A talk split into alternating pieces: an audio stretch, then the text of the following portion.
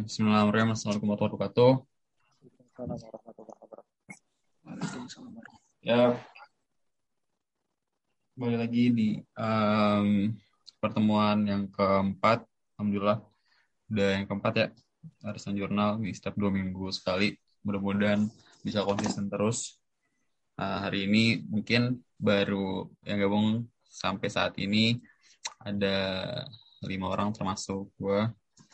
Nah, ini kita bakal bahas terkait apa temanya gempa bumi Indonesia. Kebetulan yang punya hajatnya adalah Ongki Anggara. Di background uh, studinya dia di geomatika, jadi nanti bakal banyak cerita tentang gempa bumi dari sudut pandang keilmuan geomatika.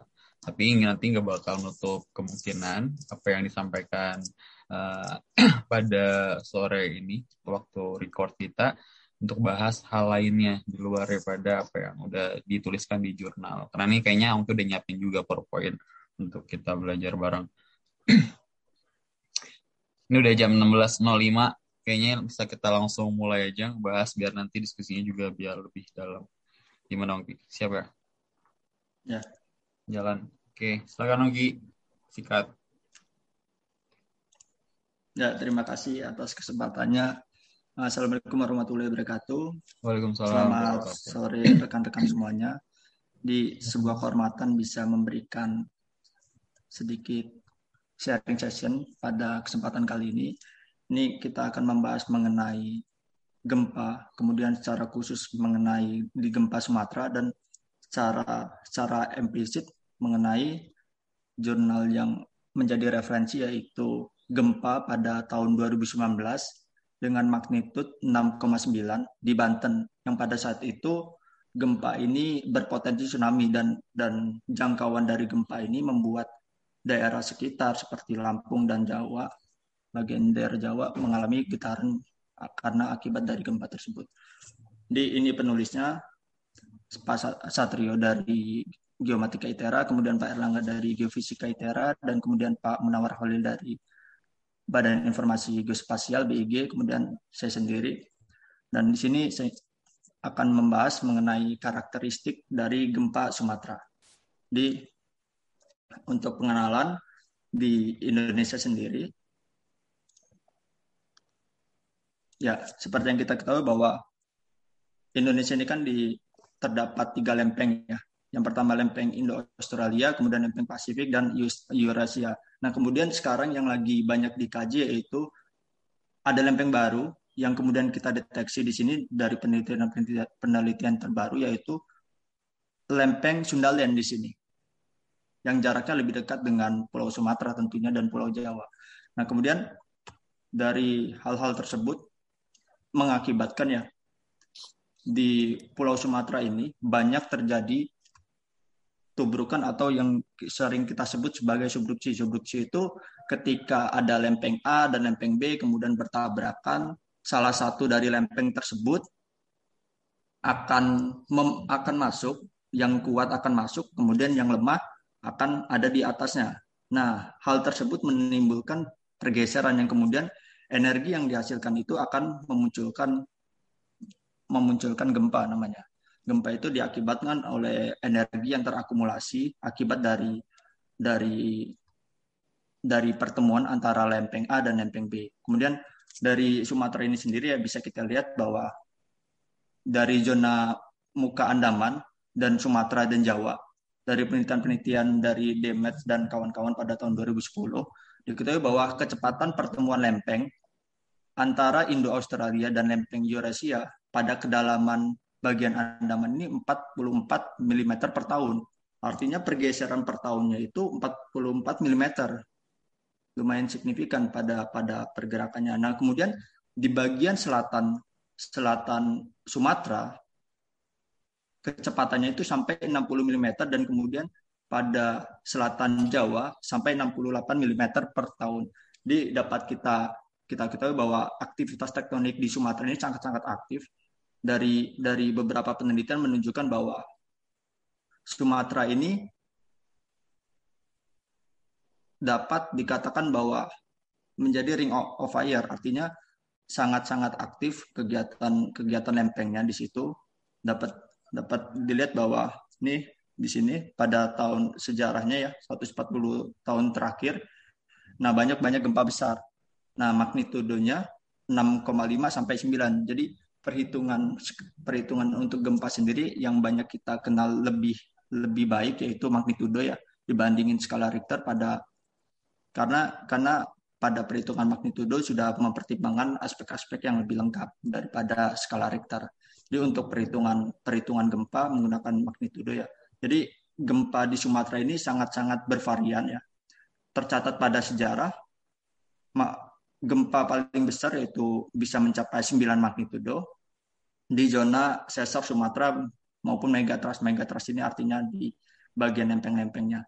Nah, akibat dari gempa ini apa sih sebenarnya? Nah, akibat dari gempa ini yang yang paling kita lihat dari pemberitaan, dari banyak media sosial dan lain sebagainya itu yang pertama yaitu korban jiwa ya, korban jiwa baik itu kerugian secara material maupun maupun uh, yang yang yang berakibat pada pada kerugian secara formil mungkin ya. Nah kemudian ini dapat kita lihat bahwa sejarah dari gempa itu sendiri ini di, di diambil dari Diamen dan kawan-kawan tahun 1992. Ini sejarahnya ya, sejarahnya paling besar yaitu 9,2 yang terjadi di Aceh pada saat itu yang yang sangat berdampak luar biasa. Nah, sampai saat ini pun gempa-gempa dengan magnitud besar itu masih sering terjadi ya di kisaran 6 magnitud ke atas 6, 6 magnitud 6,5 itu masih sering terjadi di Pulau Sumatera. Nah, kemudian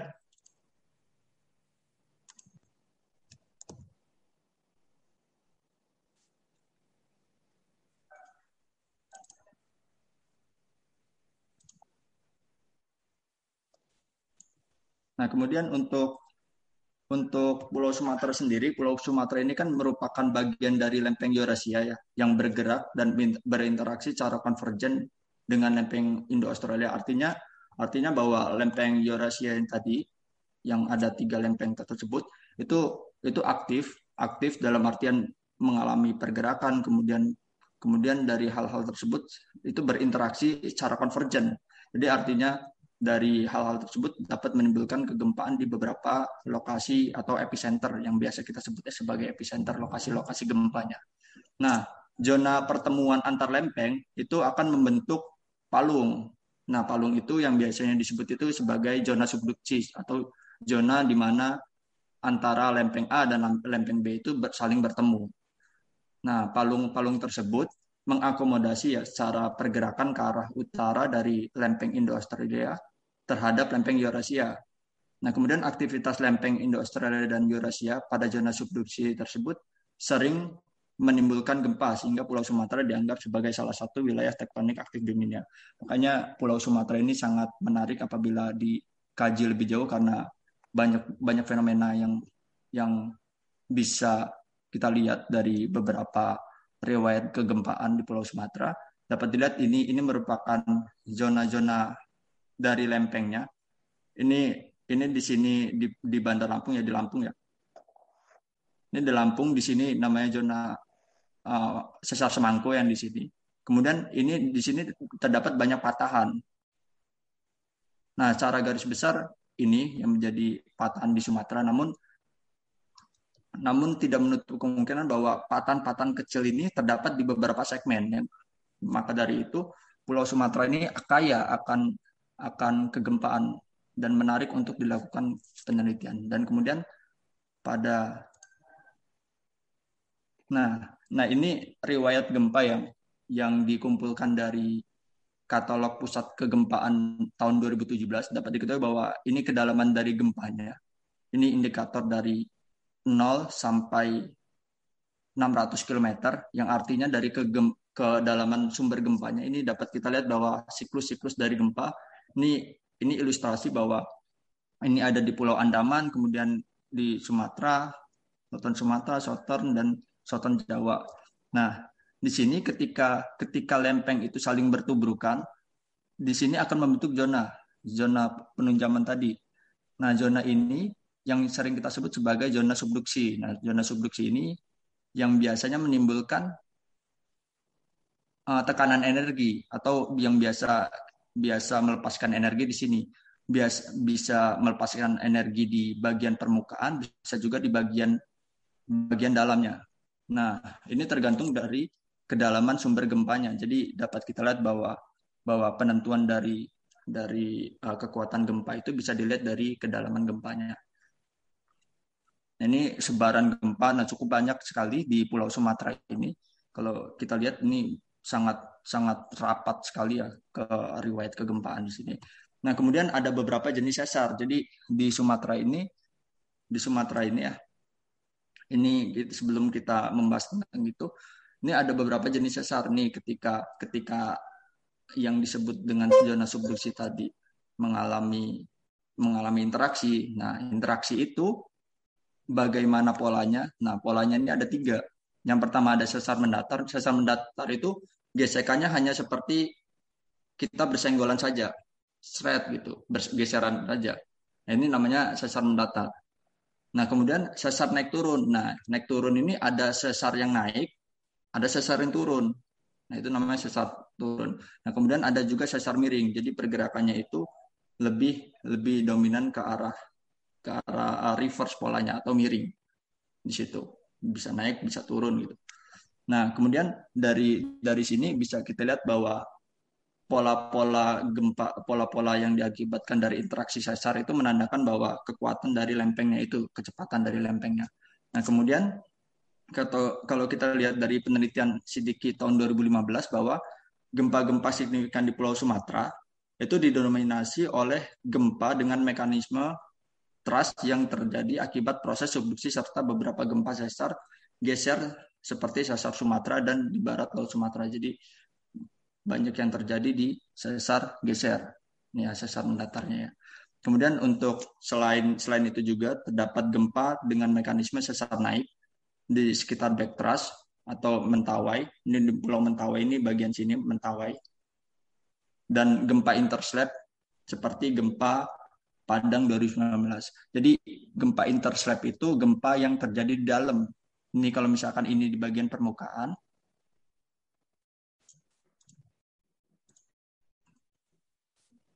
Nah, kalau ini di bagian permukaan, Nah, kalau intercept itu terjadi di dalam gempanya. Makanya hmm. dapat kita lihat bahwa semakin dalam gempa itu semakin dalam juga. Eh, semakin dalam sumber gempa berarti semakin dalam pusat gempanya. Jadi kalau misalkan yang dikatakan intercept ini berarti gempanya ada di dalam. Oke. Okay. Artinya bukan gempa-gempa permukaan. Nah, kemudian Nah, kemudian untuk untuk penelitian ini yaitu pada tahun 2019 karena jika kita membahas secara secara detail atau secara spesifik yaitu membahas secara secara komprehensif di setiap fenomena gempanya. Di ini pada jurnal ini membahas tentang gempa yang terjadi pada tahun 2019 tepatnya pada 2 Agustus 2019. Ini kekuatan gempanya dari press release-nya BMKG yaitu magnitudenya 6,9 Nah, sedangkan kedalaman gempanya 48 kilo, kilometer berarti artinya gempa itu sangat dalam. Nah, karena sangat dalam itu dikategorikan bahwa gempa ini terjadi di interslab.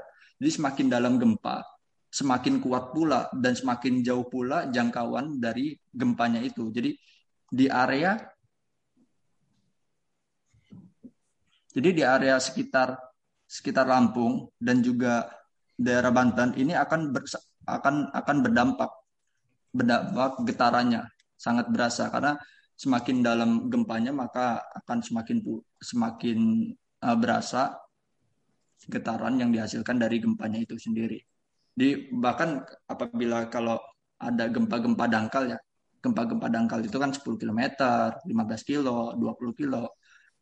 Nah, itu jauh lebih kecil dibandingkan dari gempa gempa yang dalam Apalagi ini ditunjang bahwa kekuatan magnitudnya 6,9. Wah, ini cukup tinggi. Nah, jadi ini penelitian yang dilakukan Nah, ini epicenternya ya. Ini epicenter. Jadi epicenter itu lokasi gempanya. Hmm. Ini ini lokasi gempanya. Jadi ini gempa-gempa riwayat sebelumnya. Nah, ini gempa yang akan dijadikan penelitian di paper ini. Nah, artinya ini ini dinamakan dengan beach ball ya. Beach ball. Ini menandakan adanya mekanisme gempa. Jadi mekanisme gempa di sini yaitu sesar kedua-duanya naik, reverse polanya. Dua-duanya naik. Nah, ini dilihat dari putih ke merah, putih ke merah. Nah, kalau yang ini naik, putih ke hitam berarti naik. Ya. Nah, kalau yang ini, yang ini polanya reverse, dua-duanya, dua-duanya yang mengalami perubahan. Nah, berdasarkan lokasi pusat gempa dan kedalamannya, nah gempa bumi ini ternyata berasosiasi, berasosiasi akibat dari aktivitas penunjaman lempeng Indo-Australia yang ke bawah, yang masuk ke bawah ke lempeng Eurasia. Dan dan ternyata pusat ini, pusat pusat gempa ini sangat dalam yang tadi dijelaskan bahwa 48 km dalamnya. Yang cukup dalam ini. Makanya dikategorikan sebagai gempa interslab.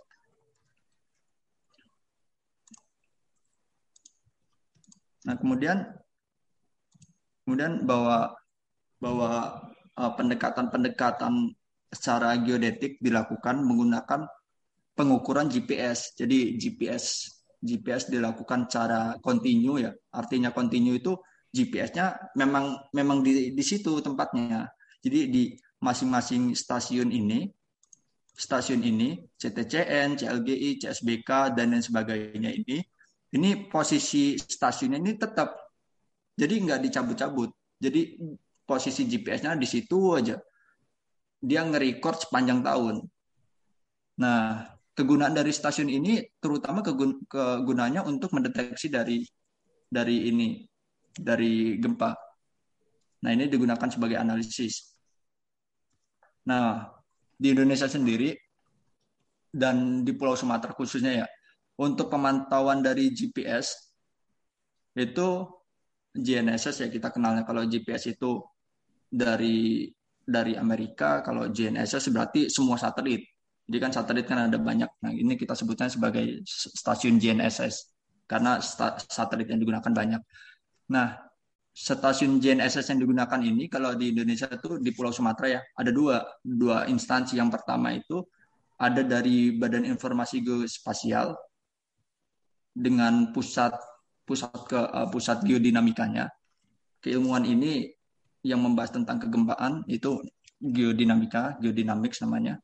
Nah, kemudian untuk yang Pulau Sumatera, di sini juga ada beberapa sebaran stasiun GNSS itu dari kerjasama antara Suma, uh, Singapura dengan LIPI. Jadi namanya itu Sugar Sumatera GPS Array. Sugar, stasiun Sugar. Nah, kemudian ini penentuan ini penentuan titik-titik ini ditentukan berdasarkan jarak antara antara titik lokasi lokasi epicenter gempa dengan sebaran ini semakin banyak sebaran dan semakin dekat maka akan semakin baik. Nah, jadi penggunaan GNSS yang digunakan ini survei GNSS. Jadi ini GNSS-nya statis, dia merecord sepanjang tahun dan kemudian yang dihitung adalah uh, tren atau time series dari koordinatnya. Nah, koordinat-koordinat tersebut kemudian dianalisis bahwa bahwa nilai-nilainya nih, nih hal ini ter, nilainya pergerakan lempeng Indo-Australia kecepatan 60 mm per tahun ke arah timur terhadap lempeng Sunda Sehingga dari titik-titik itu kan titik titik GPS GNSS itu masih perlu ditransformasi, transformasi untuk untuk dia memproyeksikan di koordinat permukaan, permukaan bumi. Nah, kemudian baru dilakukan analisis. Nah, karena ini tergol analisis dalam dalam paper ini termasuk ke dalam gempa kosesmik atau yang dianalisis kosesmiknya pada saat gempanya, maka ada dua ada dua perhitungan. Jadi perhitungan sebelum gempa dan perhitungan setelah gempa. Nah, kemudian dikalkulasi didapatkan didapatkan perbedaan nilai antara sesudah dan sebelum. Nah, itu yang nilai tersebut dan digunakan sebagai analisis gempa kosmiknya dalam penelitian ini.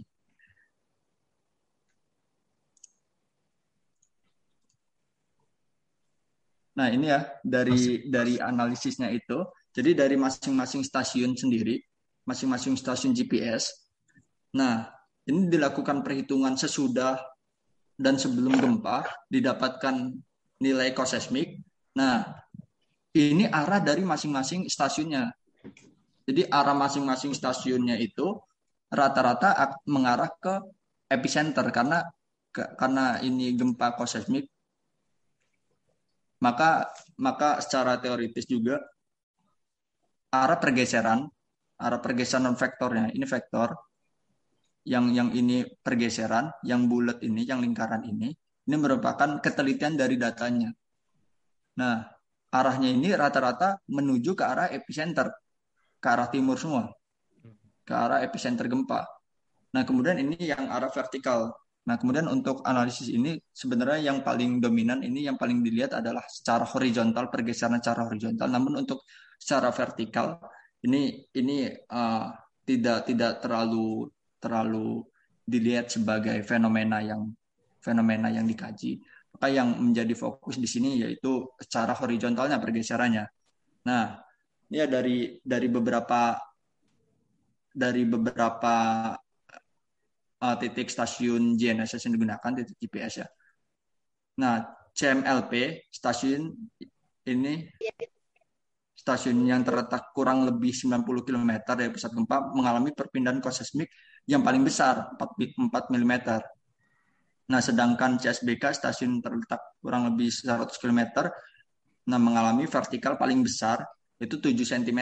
Nah, di sini. Ini kalau kita lihat stasiunnya stasiun dari CMLP dan CSBK ya CMLP dan CSBK nah ini jaraknya tadi kurang lebih 90 jaraknya kurang lebih 100 km nah ini yang merupakan pergeseran horizontalnya paling besar dan ini pergeseran vertikal yang atas bawahnya paling besar jadi yang digunakan dalam perhitungan ini ada dua yang pertama secara horizontal melihat arah vektor dari pergeserannya itu sejauh mana dan berapa nilainya. Kemudian dari pergerakan secara vertikal, naik turunnya itu berapa secara vertikal. Nah, itu didapatkan ini yang paling besar ya CSBK kurang lebih 7 cm tadi.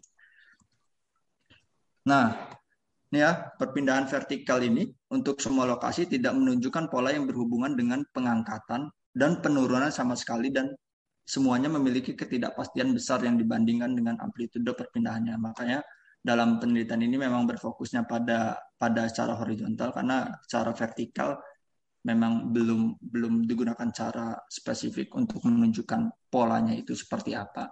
Tapi untuk kita melihat fenomenanya tiap stasiun bahwa ini bisa digunakan apabila kita melihat melihat cara posisi stasiunnya. Oh, berarti stasiun ini mengalami penurunan ini mengalami kenaikan. Nah, ini bisa dilihat cara analisisnya seperti itu.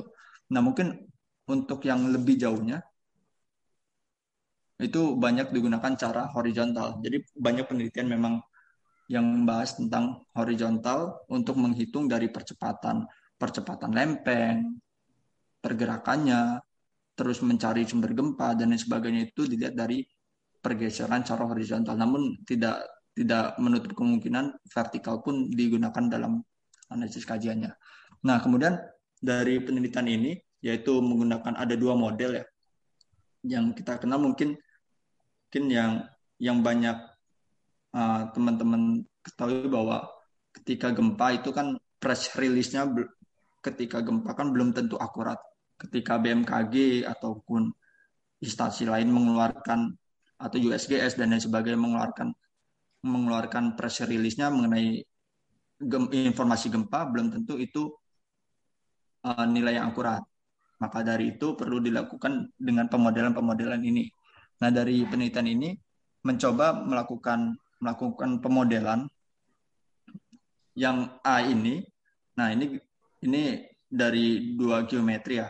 Jadi ini epicenter gempanya, kemudian yang warna hijau itu SNNP, SNNP itu warna biru. Nah ini ini ini sama-sama model. Nah, model yang diacu dari beberapa metode. Ini modelnya. Nah, kemudian ini epicenter gempanya yang gambar B dan gambar C ini ini untuk menunjukkan bahwa bahwa gempa yang terjadi ya gempa Banten 6,9 magnitude tersebut itu posisinya ada di mana. Nah, ini posisi titik-titik ini ini lempengnya ya, Sunda Plate, ini lempeng Sunda, Sunda Land.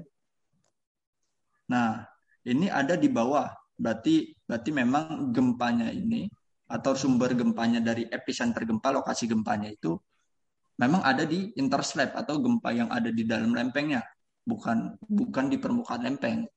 Makanya ini termasuk gempa yang cukup dalam, 49 km. Nah, Nah, kemudian ini dari pemodelan-pemodelan nih vektor-vektor pergeserannya ya. Vektor-vektor ini ini horizontal, ini vertikalnya yang naik turun tadi. Hmm. Nah, slip slip ini, slip milimeter yang yang menunjukkan skala bar ini, yang dari biru ke merah, ini menunjukkan pola gempanya di sini, kekuatan gempanya di sini, kekuatan gempa yang mengakibatkan pergeseran. Nah, semakin merah itu menunjukkan 1200 mm pergeserannya atau kekuatan dari gempanya itu slipnya ya. Nah, semakin rendah berarti semakin rendah pula nilainya. Nah, ini kemudian dilakukan analisis menggunakan uh, kolom stres ya. Kolom stres chance ini artinya untuk melihat dari dari uh, pola gempa di sini. Ini pola gempa di sini bahwa gempa yang ini energi energi yang terlepaskan. Nah, ini dapat kita lihat di sini. Ini kolom stres ini untuk melihat energi yang terlepaskan pada pada uh, gempa tak gempa 2 Agustus 2019. Nah,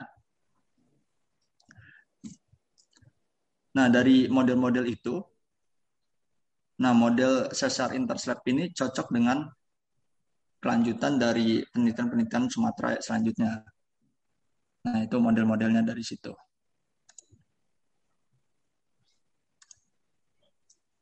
Nah, kemudian untuk kesimpulannya, kesimpulannya dari dari penelitian ini yaitu inversi data ya untuk pemodelan ini sendiri. Ini menggunakan dua model SNP model untuk patahan dari patahan strike slipnya, kemudian model SNP ini sebagai sumber gempa yang terjadi pada 2 Agustus 2019 magnitudenya 6,9 yang termasuk pada gempa intercept ya yang pada saat itu terjadi di Banten.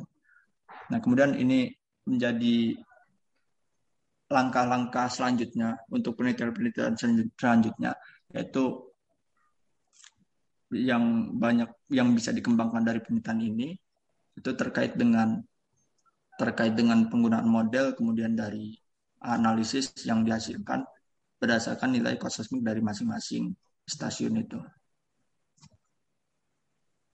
Ya, mungkin secukupkan untuk materi eh, materi sharing session ini pada kesempatan kali ini. Saya ucapkan terima kasih. Saya mohon maaf apabila terdapat kesalahan dan kekeliruan pada saat penyampaian. Saya mohon maaf. Setutup. Assalamualaikum warahmatullahi wabarakatuh. Selamat sore. Selamat sore. Waalaikumsalam warahmatullahi wabarakatuh. Oke, Pak Yongki, penjelasan dari mulai dasarnya tadi kenalin gempa itu gimana sih sampai terbentuk, terus jenisnya apa aja. Kita dikasih apa informasi kalau ya tadi apa sebut istilahnya ring of fire ya. Kita emang udah nggak bisa lagi apa ya namanya uh, lupa gitu kalau misalkan rawan gempa dan suatu waktu mungkin kita bakal ngerasain juga gimana hektiknya ketika gempa itu terjadi. Karena nah, dari data tadi berapa? 140 tahun terakhir ya ada paling tertinggi itu 9,2 waktu itu di Aceh 2004 itu yang yang 2019 ini yang dijadiin suatu penelitian 0,9 juga cukup kacau. Uh, banyak uh, ada beberapa korban yang meninggal juga dan ratusan rumah yang rusak ternyata kalau setelah dibaca-baca lagi. Um, menarik sih banyak teknis. Ini jadi kalau gue pribadi jadi ingat pelajaran ini apa gel apa PGTL pengantar ah PGTL tuh pengantar geologi lingkungan ya? PGTL. Hmm, tapi tapi waktu itu bahasnya baru sedikit sih nggak terlalu mendalam. Terus pas setelah lihat uh, apa tadi dijabarin gimana sih mekanisme gempa itu terjadi gitu. Ternyata di zona subduksi ada pelepasan energi gitu kan akibat uh, adanya hubungan uh, antara lempeng Indo Australia dan juga Eurasia yang yang specifically itu uh, adanya di Sumatera yang tadi yang jelasin itu cukup dengan titik-titik gempa yang luar biasa ya, tadi padat banget ya kalau lihat yang titik-titik merah itu ya ampun. Itu bayangin kalau semua titik merah itu magnitudenya di atas 6 dengan kedalaman berapa tadi? Yang dalam tuh terus uh, melepaskan energinya gitu kan tiba. Waktu itu pernah ada pertanyaan kayak gini gini kok pernah ada pertanyaan kok di Lampung katanya nggak gempa-gempa ya padahal uh, katanya potensi gempanya tinggi. Apa jangan-jangan nanti dia sekarang nih apa zona subduksinya tuh lagi ngumpulin energi kan terus satu waktu duar gitu. Tiba-tiba Lampung pindah ke Sulawesi gitu kan kita nggak ada yang tahu juga. Maksudnya artinya kan ya, aktivitas bumi itu kan sedemikian rupanya gitu. Terus untuk memprediksi hal itu mungkin ini adalah salah satu uh, dasar daripada untuk apa memprediksi ya kejadian gempa nanti ke depan seperti apa. Terus juga tadi kalau gue nangkep lagi tuh yang apa sih yang beach ball itu mekanisme gempa yang ada dua pola polanya gitu yang apa uh, titiknya uh, vertikal uh, apa sama horizontal apa movement ya pergerakan. Uh, itu uh, kok kayaknya ada ini ya kayak ada linearitas antara ketika horizontal yang paling besar itu vertikalnya paling kecil terus ketika vertikal paling besar itu horizontal paling kecil itu emang kayak gitu atau gimana? Ya sebenarnya untuk untuk yang paling ini ya secara analisis sederhananya semakin dekat sama gempa harusnya semakin gede. Nah hmm. tapi untuk yang vertikal sendiri vertikal itu karena banyak banyak kalau misalkan kita sebut sebagai anomali lah. Hmm. Karena karena itu kan data GPS ya. Hmm. Data GPS itu kan secara secara uh, referensi itu kan kayak ellipsoid. Nah, hmm. ellipsoid karena bumi sesungguhnya kan sebenarnya geoid kan bentuknya, bukan ellipsoid. Ellipsoid itu kan ya. bentuk matematisnya aja. Nah, makanya ada beda di situ vertikalnya. Nah, itu salah satu faktornya karena referensi dari GPS itu sendiri dari GNSS itu sendiri ellipsoid. Kalau yang paham-paham bumi datar itu, itu penjelasan gempa bumi gimana tuh? Wah, itu udah beda zona itu.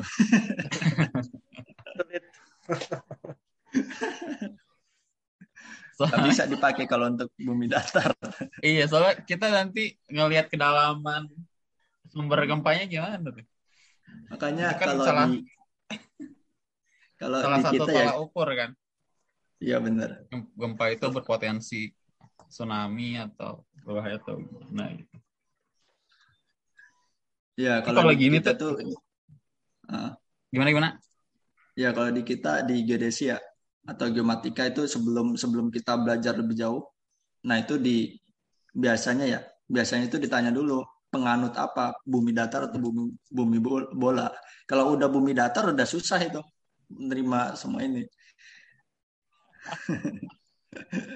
Ini gue ada teman juga sih yang ke, ke bumi datar.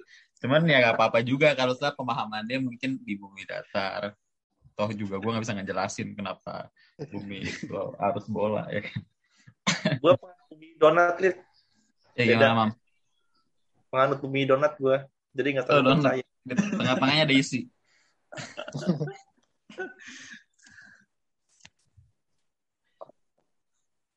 Tapi ini gue, gue nanya juga deh. Uh, kan tadi pakai apa pakai berarti uh, Jeep, uh, GN, G, GNSS ya stasiun GNSS yang terdekat dengan beach ballnya apa? Uh, gue belajar banyak istilah-istilah baru nih. Epicenter gitu kan lokasi gempanya itu. Nah itu yang menentukan apakah uh, melihat getaran getaran kan gempa nih gempa set getaran terrecord dia yang paling besar dahulu gitu ya dengan radius minimal berapa baru dia digunakan dalam penelitian tersebut atau ya udah tunjuk-tunjuk aja yang paling terdekat apa terus gunain aja semua yang sekitar situ gitu kan. Itu proses pikirnya tuh gimana. Soalnya kan uh, apa ya terus gue juga ini mikir lagi pertanyaan gue adalah apakah ketika ada press release dari BMKG gitu bilang katanya ini adalah 6,9 eh, magnitude-nya 6,9 gitu. Apakah ketika nanti uh, melakukan penelitian lagi seperti ini gitu, apakah akan ada pengukuran baru yang bilang uh, kayaknya 6,9 ini nggak tepat gitu ada ada yang, yang lainnya itu uh, faktor-faktor apa lagi gitu yang kalau itu. Karena kan sebenarnya mungkin bakal tipis-tipis nih bakal mungkin akan tipis-tipis aja sih data-datanya. Cuman itu kan jadi salah satu gap ya apalagi kalau peneliti biasanya itu malah itu yang dicari gitu kan. Malah gap-gap kecil kayak gitu yang malah yang dicari gitu penyempurnaan. Gimana gitu ya jadi sebenarnya ya untuk untuk lokasi. Sekarang Indonesia ini udah cukup baik ya dalam mengelola kegempaan. Artinya BIG itu sebagai instansi yang di dalamnya itu ada namanya Badan Geodinamika itu ya divisinya. Nah itu itu yang mengelola tentang stasiun-stasiun. Jadi kalau dulu ya sebelum tahun 2018 itu titik-titik GPS itu titik-titik GNS itu masih dikit banget. Makanya pada pada tahun-tahun 2000-an awal apalagi tahun-tahun sebelum 2000 itu kebanyakan surveinya tuh survei langsung. Jadi survei langsung tuh survei langsung tuh kita bawa alatnya, kita tungguin 36 jam, 48 jam. Jadi benar-benar ditungguin alatnya itu. Nggak boleh, nggak boleh mati, nggak boleh gerak. Pokoknya benar-benar stabil di segitu. Itu namanya survei campaign. Nah, sekarang Indonesia udah mulai cukup baik dalam membangun tentang kegempaan lebih aware lagi. Di BIG sendiri sebaran titiknya udah cukup banyak. Jadi dalam penentuan ini sendiri tergantung dari stasiun GNSS yang tersedia. Jadi kita belum bisa meng menganalisis dari oh berapa radiusnya berapa radiusnya. Nah, ini kemudian hal yang menarik ya karena penelitian ini masih cukup sedikit yang yang meng, yang membahas tentang oh ternyata jarak 100 km itu efektif loh untuk stasiun itu digunakan analisis. Nah, ini ini sedang sedang saya kerjakan sama tim karena memang penelitian ini di Sumatera belum ada terkait dengan oh berapa sih kira-kira jumlah stasiun yang baik digunakan, radiusnya berapa, kemudian lokasinya di mana. Nah, ini coba coba kita lagi kaji untuk ini karena penting untuk pemilihan dari stasiun GNSS. Nah, sekarang memang persebaran sendiri udah cukup cukup cukup merata walaupun belum belum rapat, tapi udah udah bisa digunakan untuk itu. Nah, untuk untuk selanjutnya untuk pertanyaan yang kedua tadi apa tadi Rit? yang pengukuran ulang nah apa hasil dari penelitian ini di oh ya oh ya jadi ini ini sebenarnya untuk untuk yang gap-gap kecil itu ada hmm. tapi kecil banget nilainya makanya hmm Kayak ketika biasanya BMKG membuat press release ya biasanya itu kan dalam hitungan menit udah ada press release-nya. Nah, itu kadang-kadang sering direvisi karena karena ketika kejadian kejadian gempa kemudian langsung di up beritanya. Nah, itu kadang-kadang belum memasukkan parameter-parameter yang sesuai di situ. Makanya makanya BMKG pun sering merevisi dari hasil-hasil gempanya itu sendiri. Di waktu udah gempa misalkan kekuatannya 6,9 kedalamannya 48. Oh ternyata waktu di di uh, kesempatan selanjutnya, oh ternyata datanya salah nih. Magnitudenya nggak segini, nggak 6,9, magnitudenya 6,0 atau kedalamannya 30. Nanti diulang lagi sama sama uh, B, sama BMKG biasanya seperti itu. Tapi ya itu tugas dari peneliti memang memang sumbangsi dari dari keilmuannya untuk untuk sama-sama melengkapi dari dari itu kekurangannya itu.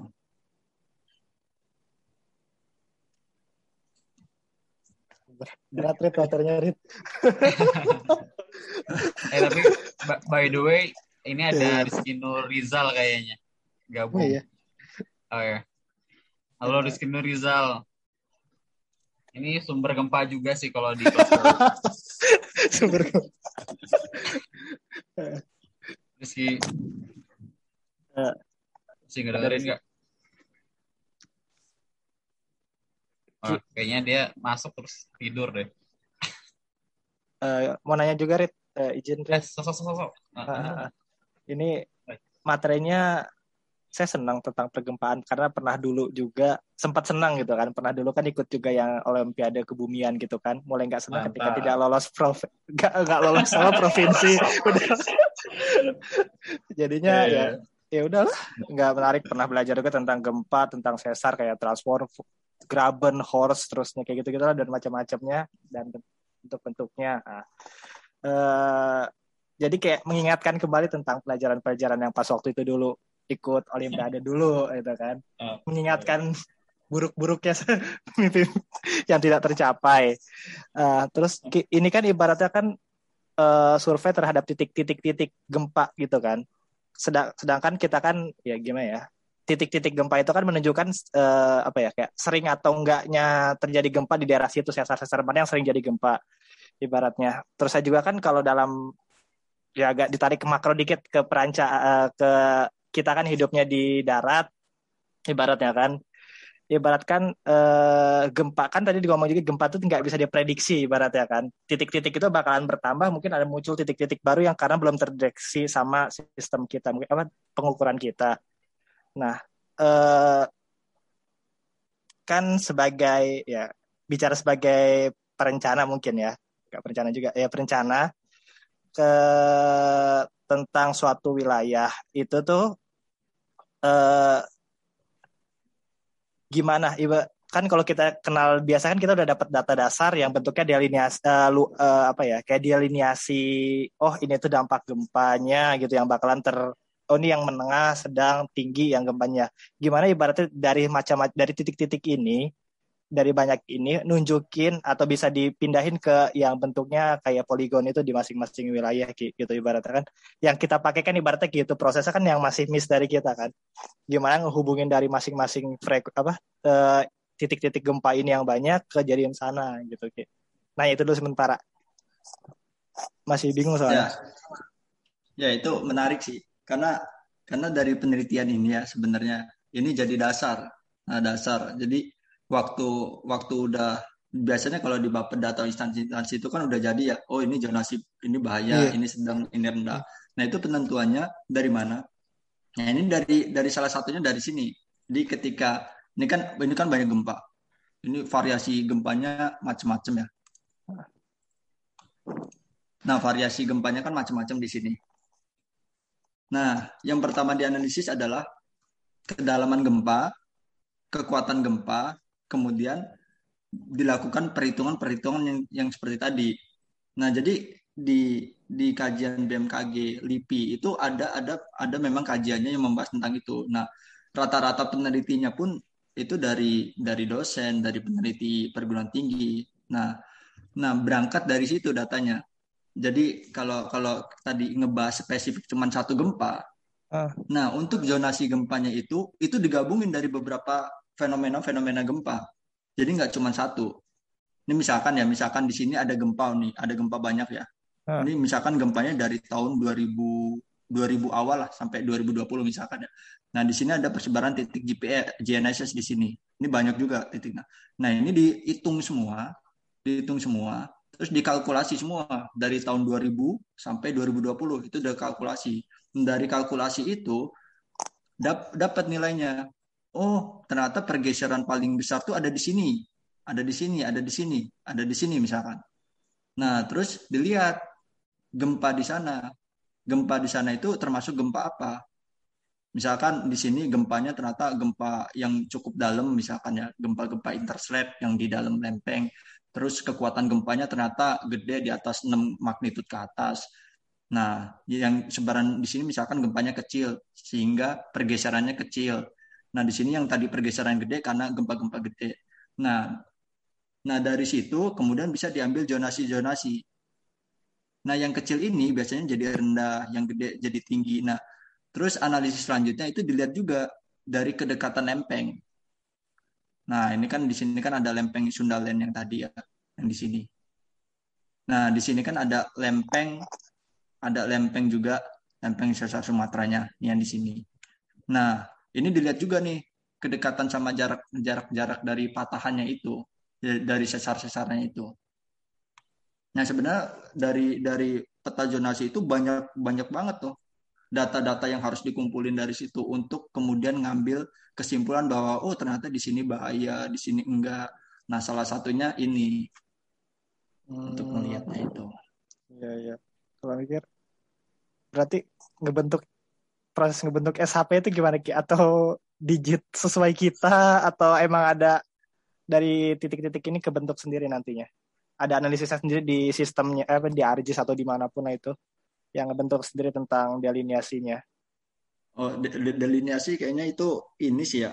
Soalnya kalau untuk standar belum ada standar yang ngatur oh zonasi gempa tuh gini-gini itu kan belum ada ya. Ya maksudnya dari dari data awal itu sampai data itu kan belum ada ya. Hmm. Nah, ini biasanya ya biasanya yang yang saya ketahui bahwa penentuan itu biasanya berdasarkan hasil hasil dari kumpulan ini disepakati. Itu. Tapi kalau untuk untuk untuk yang biasanya kan dilihat juga ya dari batuan segala macam dari geologi. Nah itu itu jadi jadi ini. Cuman kalau untuk prosesnya apa ada scoring pembobotan, nah itu itu belum tahu ya. Apakah ada scoring pembobotan sehingga bisa dapat poligon poligon. Poligon kayak gitu. Ha. Uh, ya itu belum tahu itu prosesnya gimana untuk jadi poligonnya. Tapi untuk membentuk datanya kurang lebih ya kayak ya, gitu jalannya. Jadi bukan yang apa ter, bukan yang terdampak gitu ya. Ada perhitungan penarikan apa batas-batas apa sih poligon yang itunya lagi. Bukan yang kayak sampai mana sih itu terdampak ya terus ditetapin jadi satu titik. Enggak ya, jadi dari data-data yang tadi ya. Dari data-data oh. Iya. Berarti data Jadi itu... memang kita kurangnya masih di situ sebenarnya. Jadi jadi kalau dari dari ini ya dari obrolan dari peneliti-peneliti di sini ya, memang kan yang ngurusin ini kan bukan mereka lagi ya. Mereka kan cuma sampai sini dapat hasilnya atau udah. Nah untuk selanjut selanjutnya itu kan udah beda orang lagi, beda ini lagi. Nah biasanya di situ tuh yang prosesnya banyak banyak ini. Makanya kan kadang-kadang ya bahkan ketika BMKG eh PVMBG mengeluarkan press release yang peta sesar itu kan itu baru ya baru dikeluarin. Ini disclaimer aja. Jadi dari dari PVMBJ itu ngeluarin peta sesar di Indonesia. Nah itu sebenarnya banyak banyak kritik juga itu dari peneliti-peneliti. Makanya kadang-kadang memang memang ada gap-gap di situ walaupun memang belum ini ya belum mungkin memang perlu lebih di ini lagi tapi untuk untuk itu tadi untuk penentuan tadi itu kurang tahu ya ininya secara detail itu gimana. Tapi untuk penentuan sendiri kurang lebih konsepnya seperti itu. Untuk bisa sampai poligonnya belum tahu atau gimana. Mau tanya Ki, berarti, ya, ya. berarti penentuan hingga muncul delineasi kawasan anggaplah resiko bencana gempa bumi. Berarti memang memang multi stakeholder berarti ya kalau misalkan tadi tangkap dari penjelasan penjelasan beberapa poin itu ya. Jadi memang secara secara keilmuan geodetik menentukan secara kondisi kebumiannya poin-poin di mana saja yang menjadi wilayah-wilayah yang dianggap rawan terhadap bencana alam kemudian akan di uh, akan digabungkan dengan keilmuan lain sehingga menghasilkan sebuah wilayah yang menjadi delineasi terdapat bencana. Apakah begitu? Karena memang ada justru namanya perka perka nomor berapa saya lupa sih itu perka risiko bencana kalau nggak salah itu ada pada penentuan ini hmm. 12 ya update ya hmm. itu hmm. tahun 2012 kalau nggak salah itu ya perka B perka BBM BPB BPB dengan uh, bencana jadi apakah memang seperti itu gitu? Apakah memang untuk menentukan delineasi itu salah satunya ada poin-poinnya pertimbangan hal seperti itu gitu Iya, nah. betul.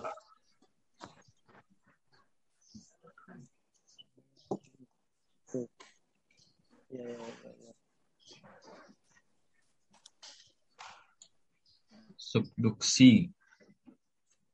Ini memang masih keilmuan baru bagi saya gitu. Jadi saya masih ngeraba-raba ke mana gitu arahnya ke mana ini. Bener-bener masih ngeraba-raba berarti. Ya, gua, gua, gua di Pandeglang waktu itu sempat 2000 berapa ya? 2000 Banten kan Pandeglang ya. Ini kan tahun 2019 ya sebelum. Nah, pasca ini atau pas sebelumnya gitu ada apa kabar di salah satu apa hasil research eh, itu nyebutin katanya nanti gempa gempa apa ada ada subduksi dari eh, Sunda Sunda ya Selat Sunda itu potensi eh, kalau misalkan sampai ada sembi- apa sembilan magnitudenya sampai sembilan gitu terus kedalamannya berapa gitu. Katanya potensi tsunami sampai ketinggian 57 meter. Gila sampai 57 meter. Yes gua pas pas baca artikel itu 57 meter tuh mendangak ke atas gitu gak sih? Kayak lagi kita lagi kita lagi lagi main di pantai terus oh apa nih kok makin deket. Buyur aja itu salah satu yang menakutkan ya. Maksudnya kan gempa buminya di laut gitu kan gempa buminya di laut terus akhirnya nimbulin bencana eh, lanjutannya tsunami gitu kan. Dan itu yang akhirnya eh, apa namanya yang langsung memberikan dampak gitu ke ke apa ke manusia apa masyarakat yang ada di daratan gitu kan.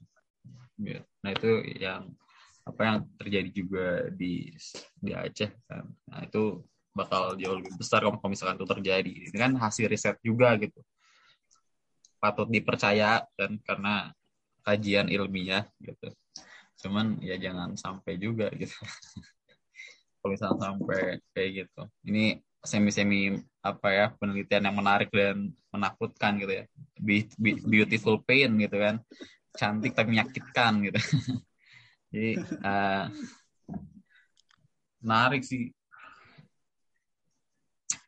Ya tapi terlepas dari ini ya Ki, eh, menurut lu gitu ya kan dari hasil kajian ini gitu. Um, terkait gempa-gempa dan kalau gue sebagai orang awam gue nggak bisa menerima transfer knowledge ini gitu ya ke, ke diri gue untuk uh, bilang gila eh, tempat lahir gue ini ber- beresiko tinggi karena memiliki lempengan selat subduksi selat Sunda yang berpotensi eh, tsunami dengan ketinggian sekian gitu. kan gue nggak bisa mendapatkan gue nggak bisa mentransfer transfer pengetahuan itu ke masyarakat gitu ya dengan bahasa yang seperti ini gitu Eh, yang mana harusnya sih ini orang-orang tahu dan sadar gitu bahwa di lingkungannya itu eh, memang punya risiko bencana yang tinggi gitu kan. Bahkan kan dalam eh, dalam istilah kalau di kebencanaan itu hiduplah harmonis dengan bencana gitu kan. Artinya dia eh, tahu potensinya terus dia bisa bisa bertahan hidup dengan apa menyesuaikan pola kebencanaan tersebut gitu kan kita kan pengennya seperti itu karena kita tidak bisa menghindari saat ini boom. Kita ring of fire gitu ya. Jadi kita ini di- dikurung sama banyak uh, gunung-gunung api gitu eh, dengan berbagai resikonya. Nah uh, uh, kolaborasi untuk researchnya itu uh, tahapan apa ya tahapan sekarang geomatika udah sampai ke sana nggak sih udah sampai eh, apa namanya menyederhanakan informasi ini eh, jadi sebuah pengetahuan umum yang diketahui masyarakat atau eh, gimana. Kan kalau kalau gua lihatnya di PWK juga banyak yang melakukan pengajian terkait kebencanaan gitu kan. Tapi banyaknya juga langsung ke social culture gitu kan ke budaya sosial budayanya. Gimana dia uh, menanggapi ini gitu gempa bumi dengan caranya mereka. Which is mereka juga nggak ngerti sebenarnya gempa bumi itu dari mana sumbernya apa kapan terjadinya dan lain sebagainya. Itu gimana ini Rizal Rizky Rizal udah muncul nih mukanya kayaknya udah siap memberikan gempa-gempa di forum ini. Nah, nah ini menarik ya, karena Karena apalagi isu yang kemarin ya sempat yang bakal senam 20 meter. Sebenarnya kalau secara keilmuan ya, secara keilmuan itu hal-hal yang wajar ya. Karena dalam dalam skala probabilitas itu memang kemungkinan terjadi memang mungkin untuk terjadi dengan gempa yang sebegitu hebat dan kemudian mungkin akibat-akibatnya juga itu itu sebenarnya dalam keilmuan itu hal-hal yang wajar karena itu masih skala kemungkinan skala prediksi dan itu emang kemungkinan terbesar yang kemarin banyak yang banyak dibicarakan kan di sosial media dan hmm. kemudian di berita-berita. Nah, itu untuk orang-orang yang ini kan wah serem banget nih ini bakal hmm. bakal gimana dampaknya ini lebih gede dari Aceh. Makanya makanya ya PR di kita PR PR di kita yang orang-orang bergerak di bidang kegempaan itu bagaimana cara kita mentransfer keilmuan dengan bahasa-bahasa yang sederhana. Nah, itu itu yang menjadi menjadi PR PR PR di bidang kegempaan. Bagaimana memang membuat suasana yang kondusif suasana yang sebenarnya nih gempa memang memang gempa tuh bakal terjadi. Tapi gimana cara mensikapi kita? Kayak di Jepang deh. Jepang itu rata-rata bangunnya memang udah sudah tahan gempa ya. Tapi rakyat-rakyat Jepang itu rata-rata gempa 6,5 itu mereka nggak lari dari dari ruangan Artinya apa? Artinya mereka tuh sudah memang udah aware dan mereka udah tahu cara mitigasinya gimana. Nah, di kita itu perlu, itu perlu gimana caranya? Ya contoh penelitian kemarin yang sempat up sampai sampai trending itu ya. Nah, itu kan memang memang hal yang wajar sebenarnya di keilmuan karena memang kemungkinan bakal terjadi memang gempa gempa itu itu kemungkinan ada kemungkinan bakal terjadi tapi untuk terjadinya kapan nggak tahu. nah masyarakat takut, takut itu. Nah, nah yang jadi jadi ini sekarang tantangan kalau di kita sebagai peneliti memang bahasa kita bahasa yang kaku ya. At, kaku itu uh, mungkin mungkin lebih gini ya. Simpelnya gini kalau kita ngomong sama orang-orang yang ngerti gempa mungkin bahasanya oh subduksi gini gitu kan. Nah hmm. ketika kita ngomong di luar kita lupa gimana caranya kita ngomong dengan bahasa yang mudah dimengerti. Nggak pakai istilah-istilah.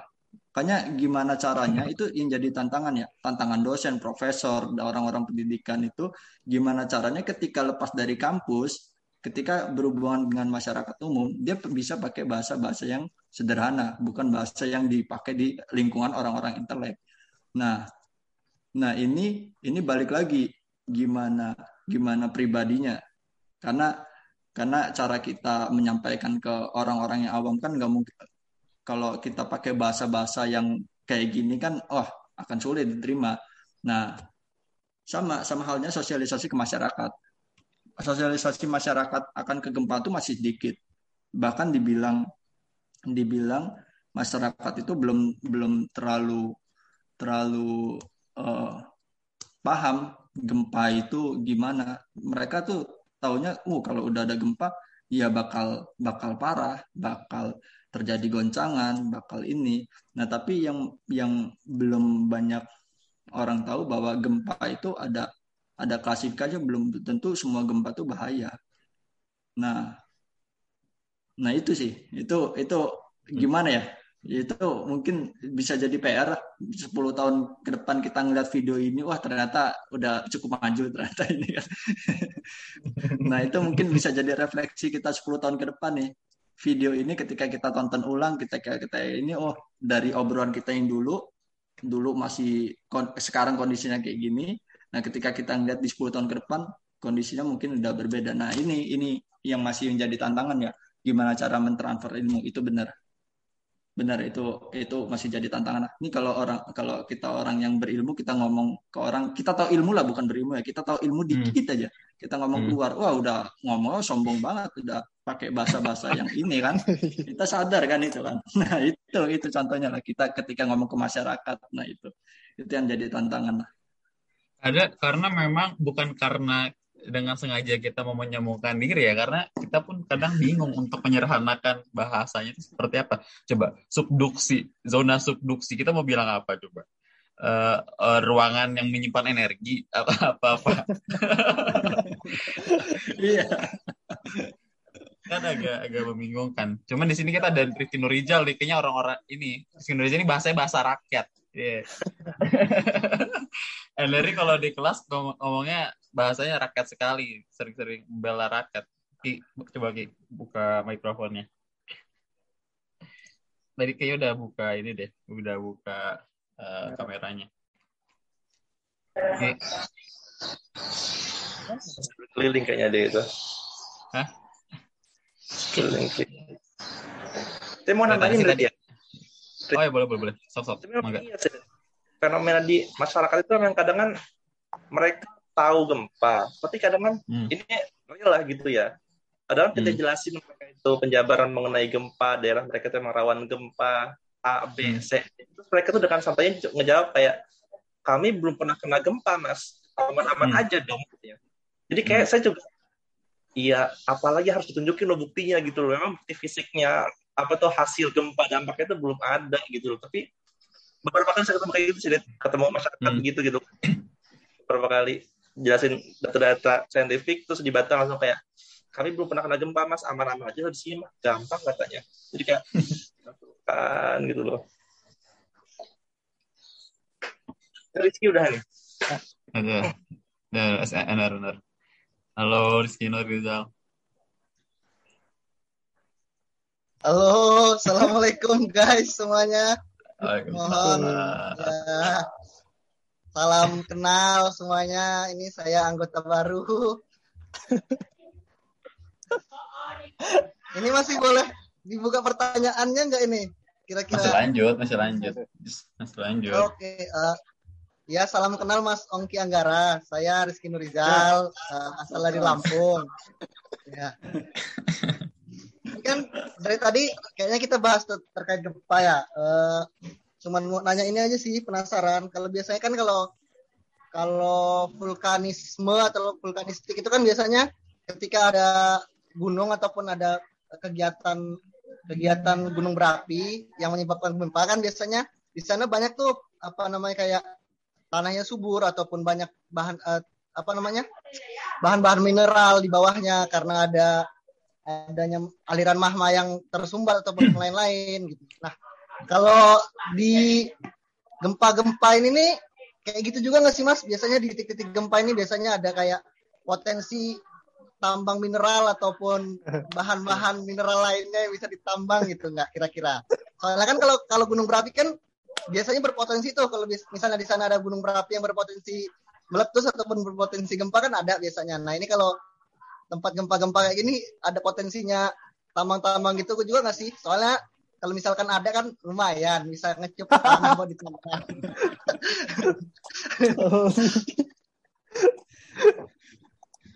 Ya, makasih Mas Rizky. Di, menarik ya pertanyaannya, tapi sepertinya saya nggak punya kapasitas untuk menjawab itu. karena karena itu udah udah di luar di luar keilmuan lah. Karena memang kajian di sini kan masih kajian-kajian yang gempa sampai ini ya, belum sampai melihat secara secara secara futuristiknya akan jadi seperti apa itu. Mungkin saya kurang tahu mas untuk ini.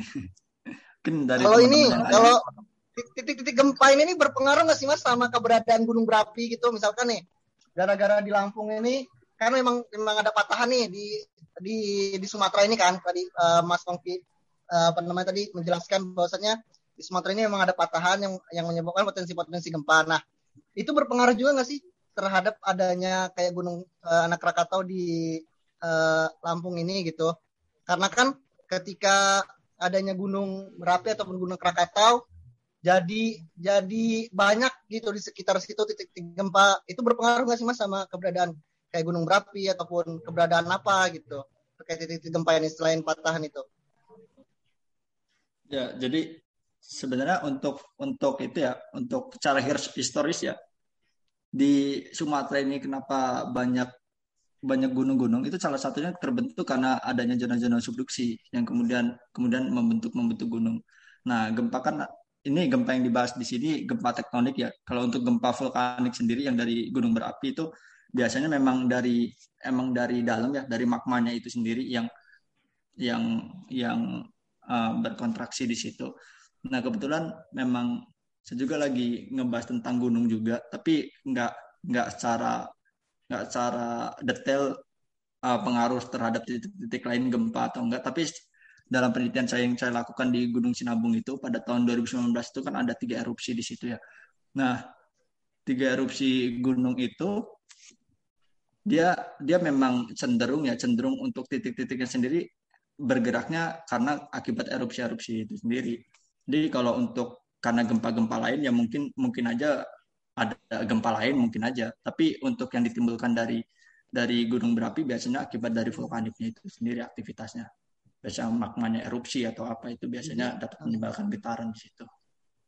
Jadi nggak ada pengaruhnya gitu. Misalkan kalau di tempat biasa itu walaupun uh, misalkan nih di Lampung sama Palembang gitu karena Lampung ada ada Gunung Krakatau gitu. Jadi uh, titik gempanya lebih banyak dibanding Palembang yang nggak ada gunung berapinya gitu. Itu nggak nggak nggak ada kaitannya gitu ya dengan keberadaan gunung berapi ataupun keberadaan uh, potensi vulkanik kayak gitu ya terkait titik-titik uh, gempa tektonik ini.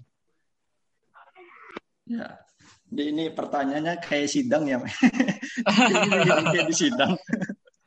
tapi tapi memang ah, menjawab pertanyaan itu mungkin harus dengan dengan ini ya penelitian-penelitian ya. Tapi tapi ya setahu saya ya setahu saya ya ah, aktivitas kegempaan ya dari epicenter epicenter gempa lokasi-lokasi gempa itu itu biasanya yang pertama itu gara-gara dari dari aktivitas dari lempengnya ya lempengnya atau dari vulkanik atau dari apa. Tapi untuk saling terhubung, misalkan fenomena, misalkan di Krakatau ada lagi ini nih, lagi erupsi. Nah di Palembang terpengaruh terpengaruh atau enggak? Nah itu saya saya kurang tahu ya untuk menjawabnya. Tapi ya secara logika sih seharusnya kalau misalkan memang dampaknya dampaknya, nah itu balik lagi ke kekuatannya itu tadi kalau kuat kekuatannya itu masih tergolong cukup kecil ya mungkin tidak terlalu berpengaruh. Tapi biasanya untuk gempa itu itu biasanya per segmen aja. Kalau misalkan misalkan gempanya di di uh, sesar semangko ya di Lampung ya sesar semangko ya biasanya di situ aja gempanya. Nah akibatnya, nah mungkin itu ter, itu tergantung sama kekuatan gempanya. Akibatnya misalkan ke Palembang Nah, itu tergantung lagi sama kekuatan gempanya berapa.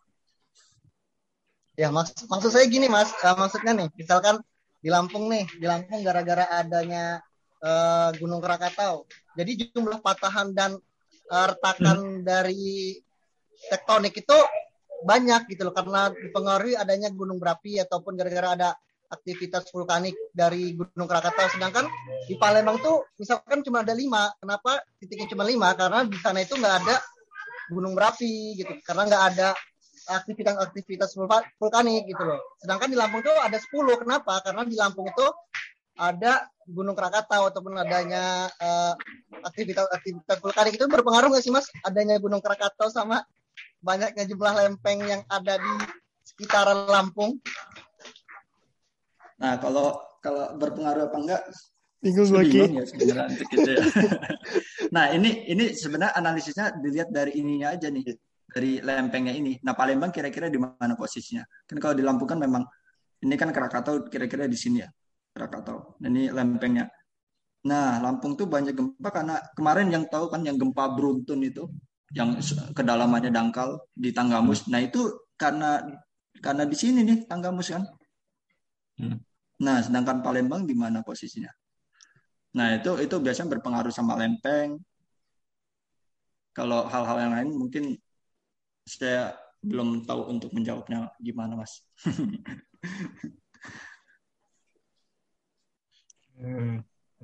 Tapi kayaknya yang jelas ini ya, yang jelas kalau ada gunung apinya ya berarti ada tambahan gempa dari vulkanik gitu udah gitu ya biasanya ya, cuma detek biasa detek vulkanik ini ada yang dari vulkanik ada tambahannya gitu kalau misalkan jawaban apa kalau sederhananya tadi pertanyaannya apakah ada bedanya? Ada karena ada gunungnya gitu kan. Jadi jumlah jumlah retakan ataupun apa pergesekan antara antara apa kerak bumi itu tidak ada pengaruhnya terhadap nggak tahu ada pengaruhnya atau enggak terhadap adanya gunung gunung gunung berapi gitu ya. Belum belum belum ada kajian selanjutnya gitu ya. Belum bisa dijawab gitu ya tadi. Belum bisa. Mungkin karena keterbatasan saya sih belum baca tentang itu. Ya nggak apa-apa, Mas. Saya Mungkin- udah terbatas. ada. Mungkin mungkin udah ada kan. Komel tapi? Ini yang saya Bang, bilang tadi, Ki. Ini gempa-gempa bumi yang ada di kelas PWK ini salah satunya nih dari dari kami. Iya. Se- Seperti inilah kondisinya.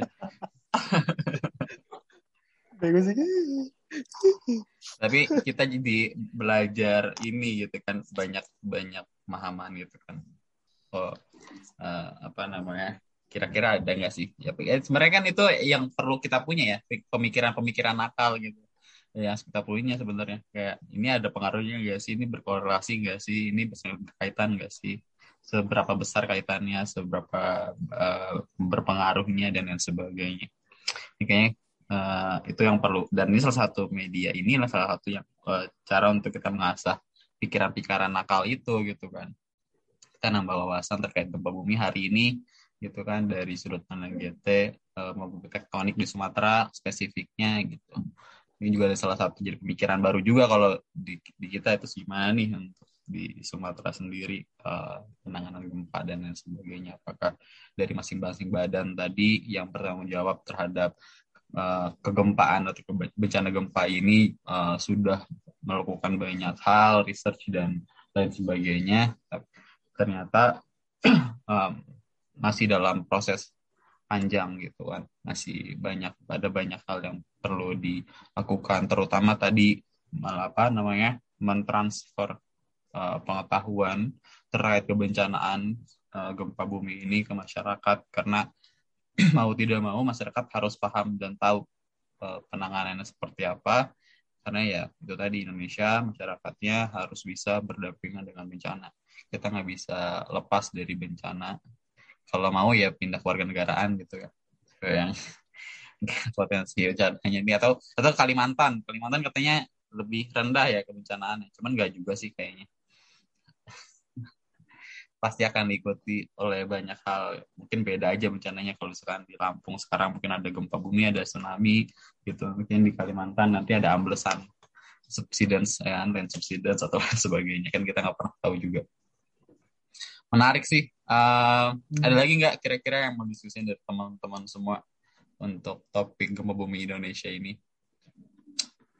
Ini ada Nika sih yang gabung. Nika kayak, kayak katanya mau nyimak doang nih. Cuman kalau misalkan pengen sedikit komentar boleh-boleh aja sih Nik gue mau komentar apa? Kan gue nggak dengerin dari awal. Lupa Ya, lu- sorry ya. Ya ya santai-santai kayak takut- kayak kayak aja lu pengen menyampaikan perasaan lu terhadap gempa bumi atau udah sempet bonding sama masyarakat. Oh, Terus pernah ngomongin- sih tapi nggak tahu gue bakal nyambung apa enggak sama yang kalian omongin soalnya. Dari tadi kita juga ini kok ke mana-mana kok topiknya.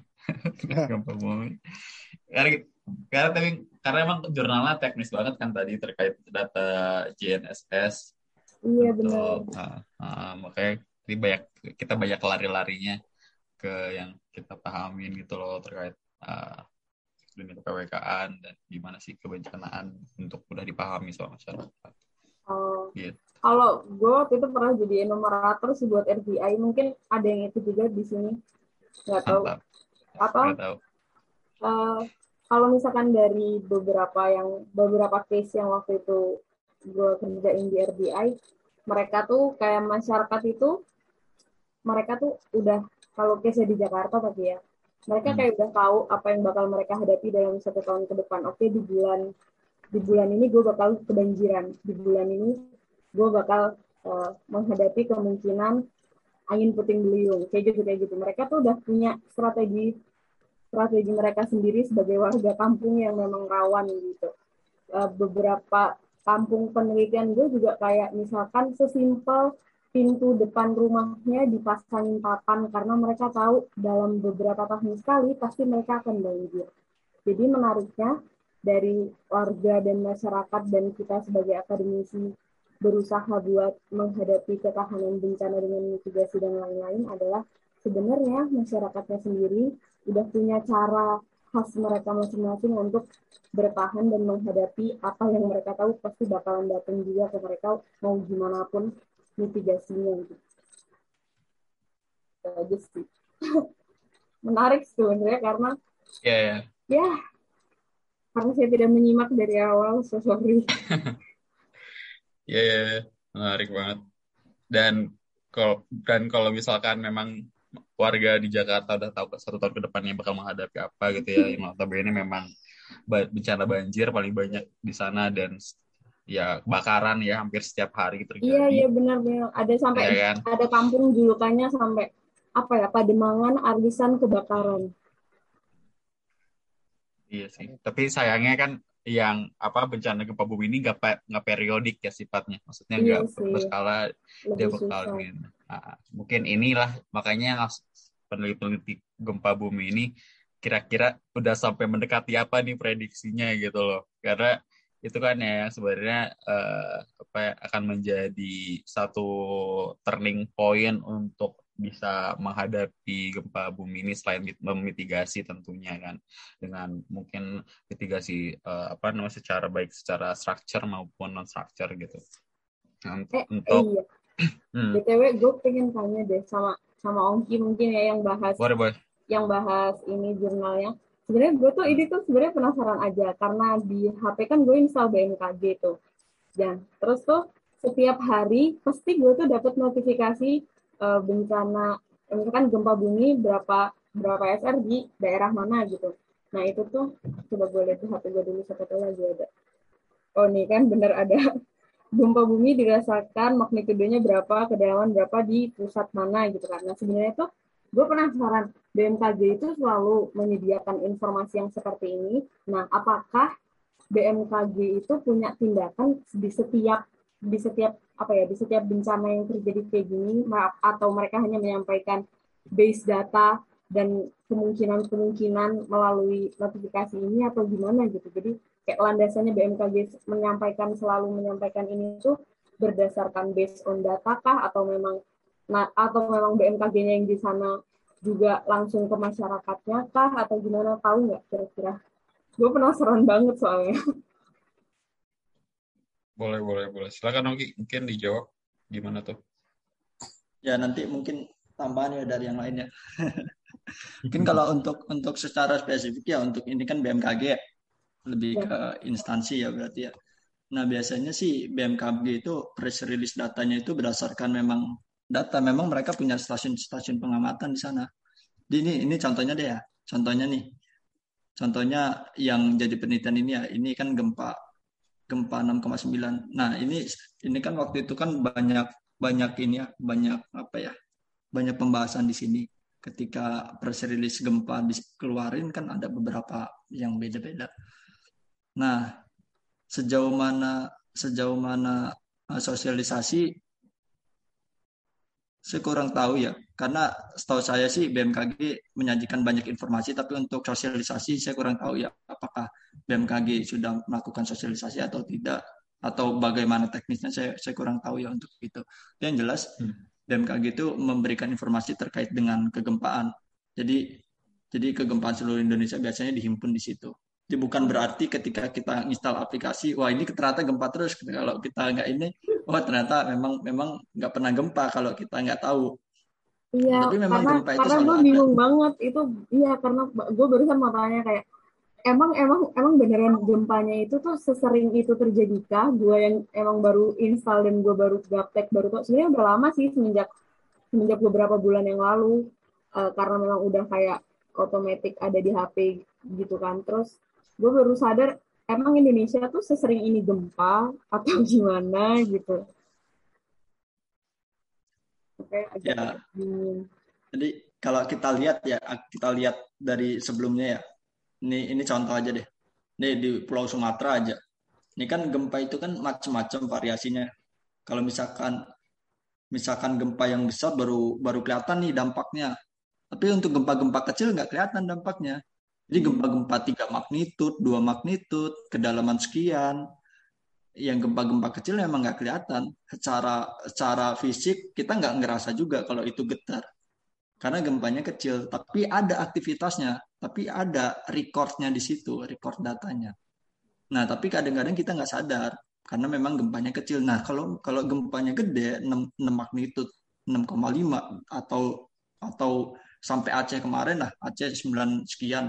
Nah, itu baru kerasa karena memang gempanya gede. Tapi kalau untuk gempa-gempa kecil Oh, oke, oke. Ada batasan nggak sih kira-kira gempa yang yang benar-benar kerasa magnitudenya tuh berapa gitu? Soalnya gue tuh pernah ngerasain gempa di Liwal 5,3 tuh lumayan kerasa sih. Maksudnya kerasa kayak memang sebentar banget sih durasinya, cuman cuman eh, kerasa aja, kerasa aja gitu maksudnya geter gitu. Ya, jadi kalau kita ngelihat dari ini ya, dari beberapa kejadian. Jadi gempa tuh Hmm. yang pertama kita lihat itu kekuatannya berapa? Kekuatannya berapa?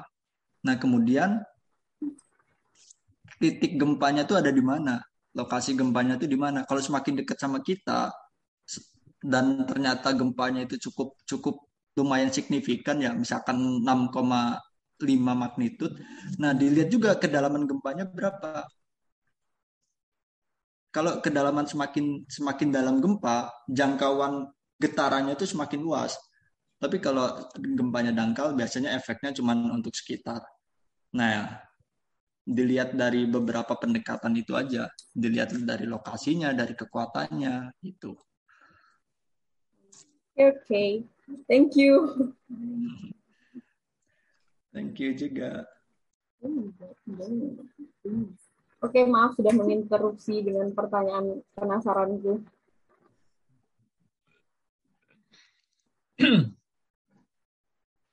Oke.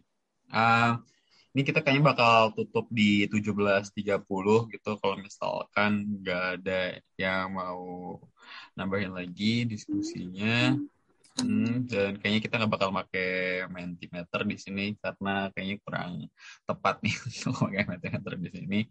Eh, karena tadi baik-baik misalnya, tapi yang jelas kita sangat eh, ter apa ya kita sangat sorry. Mungkin Ongki ada hal yang mau disampaikan terkait gempa bumi ini terakhir? Pesan-pesan buat kita semua yang nanti bakal dengerin lagi uh, rekaman ini dan teman-teman semua di luar sana yang belum uh, beruntung bergabung di forum ini untuk bahas bareng monggo Ongki Ya, terima kasih ya atas kesempatannya. Eh, gempa bumi ini menjadi hal yang menarik ya, karena seperti yang kita ketahui dari pelajaran mungkin dari dari pelajaran dini sampai kita dewasa mungkin kita mengenal ya karena di Indonesia banyak lempeng, ada tiga lempeng yang mengapit sehingga sehingga banyak gempa di situ. Ya, kita harus perlu perlu sadar bahwa gempa ini menjadi menjadi salah satu hal yang perlu diperhatikan. Artinya artinya ini merupakan hal yang serius, namun juga ini menjadi menjadi sebuah mitigasi untuk diri kita untuk lebih mewaspadai dan lebih hidup berdamai ketika kita sudah mengerti dan kita sudah banyak memahami tentang mekanisme gempa dan sebagainya kita akan akan lebih akan lebih mudah untuk untuk kita sadar bahwa oh ternyata gempa itu gempa itu bisa menjadi uh, semacam tolak ukur dan peringatan untuk kita selama kita masih hidup di lingkungan dan hidup di wilayah yang memang uh, berpotensi untuk terjadinya gempa. Mungkin uh, apabila terdapat kata-kata saya yang keliru, saya mohon maaf. Mungkin uh, dengan segala kekurangan kekurangan keilmuan dan mungkin kurangan banyak literasi, mungkin itu menjadi dasar saya kekeliruan. Mungkin saya mohon maaf apabila terdapat kekeliruan. Mungkin cukup sekian. Terima kasih. Oke, oke, seperti biasa karena di di akhir acara uh, Arisan Jurnal ini kita harus tetap berlanjut dua minggu ke depan bakal ada lagi dan monggo silahkan gimana mau nunjuk atau apa untuk tema selanjutnya di minggu selanjutnya kayak gitu. Bang pariwisata mungkin. Pariwisata, oke siap. Kira mau sedekah. Iya. Siap. Ya, mungkin ke arah sana. Hmm. Oke, thank you eh, Ongki eh, tadi. Terus juga nanti dua minggu depan kita bakal ngomongin temanya pariwisata. Eh, dua minggu lagi ya guys. Ini pertemuan kelima artinya ini udah ada orang baru lagi Rizky Nurizal alhamdulillah. Eh, ini kita dan harus sampai ada lagi ya. Terus yang di sini nanti ajakin yang lain. Kasih banyak semuanya. Eh, ini kita stop dulu recordingnya. Uh, Alhamdulillah. Wassalamualaikum warahmatullahi wabarakatuh. Stop record.